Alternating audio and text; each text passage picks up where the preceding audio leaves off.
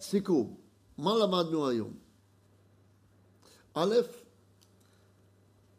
התחלנו פרק חדש, פרק ב', הזכרנו את כל מה שלמדנו בפרק א' בכללות. מה היה הנושא בחלק א'? מציאות האינסוף והצמצום. ותוצאת הצמצום.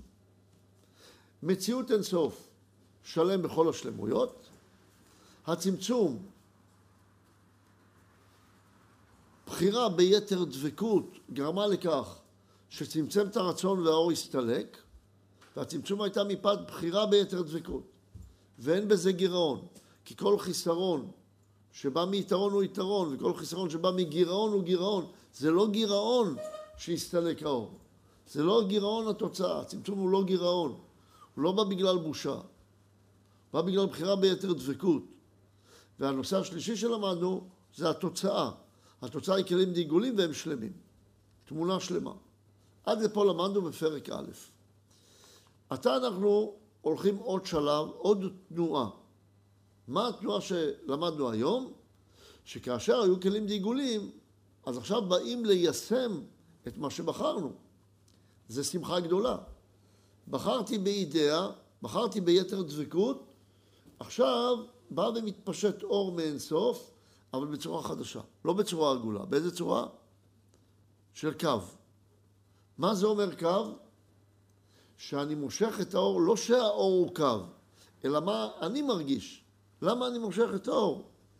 כדי לבוא למציאות של יתר דבקות. מכאן גזרנו כלל נפשי חשוב. כל מפגש שלי עם העולם הוא בעצם המשכת אור. כל מפגש שלי עם העולם הוא בא, כך נכון שיהיה, הוא בא כדי לייצר את היתר דבקות. אז במקום לקרוא לזה כל פעם יתר דבקות, נקרא לזה מעתה היחד. כדי לייצר את היחד, לייצר את האהבה. כל מפגש שלי עם המציאות נועד כדי לייצר את האהבה. לפעמים יהיה לזה כמה שלבים. אבל המטרה שלי במפגש שלי עם המציאות לייצר את האהבה, ולא לקבל את האור. זה לא המטרה שלי, היה לי כבר האור. סילקתי אותו כדי להשאיר מקום פנוי.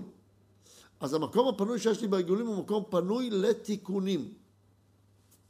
אוקיי, אז עוד פעם, הנושאים בפרק ב', אני מושך את האור בצורה של קו. עוד דבר לימד אותנו, כשנוצר לי העיגולים, אז אין נדר ברוחני, האינסוף נשאר שלם, וממנו נמשך האור. מפה גזרנו כלל נפשי, שאנחנו פנויים ברבדים רבדים. וככל שנחדור יותר פנימה, נחדור למקומות יותר משמעותיים. לכן יש עניין לא לחיות רק דברים חיצוניים. עוד נושא חשוב למדנו, שהאור, לא רק עצמותו, גם האור שנמשך יש מי יש הוא בבחינת אני הוויה לא שניתי, אין בו שום שינוי.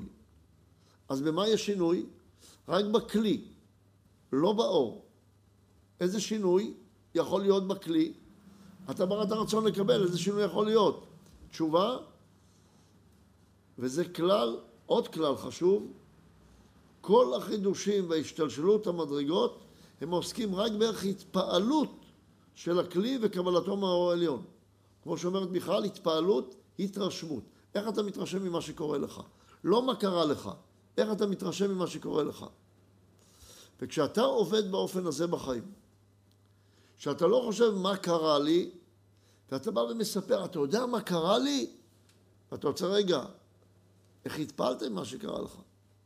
זה מי שאתה. אתה זה ההתפעלויות שלך. אתה זה לא המקרים שלך. אתה זה ההתפעלויות שלך. עכשיו, אם אני יודע שאני זה ההתפעלות שלי, אני מבין גם שכל העבודה שלי לתקן את עצמי, זה רק העבודה שלי לתקן את צורות ההתפעלות שלי מהחיים. כמו רבי עקיבא שסורקים את גופו במסריקות של ברזל ואומר, כל חיי חיכיתי לרגע הזה. זה עיקר העבודה. אז תראו מה למדנו, דברים נפלאים היום. עיקר העבודה זה ההתפעלות שלי, ואני צריך להיכנס לרובדים יותר ויותר עמוקים כדי לפגוש מציאות יותר רוחניות. ועיקר העבודה שלי הוא לבוא למקום של היחד. סיכום קצרצר על מה שלמדנו, נושאים. פרק א', למדנו שלושה נושאים, אין סוף שלם, צמצום היה בגלל יתר דבקות, נוצרו כלים די עיגולים. היום מה למדנו? למדנו מספר נושאים. נושא הראשון, האור נמשך בצורה של קו. עולם אין סוף, למרות שיש את עולם העיגולים, עדיין נשאר, אין נדר ברוחני. האור הנמשך, אין בו שום שינוי, הוא כמו עצמותו. כל השינויים הם בבחינת ההתפעלות של הנעצר. ורק מזה מדברים. עד כאן היום, תודה רבה.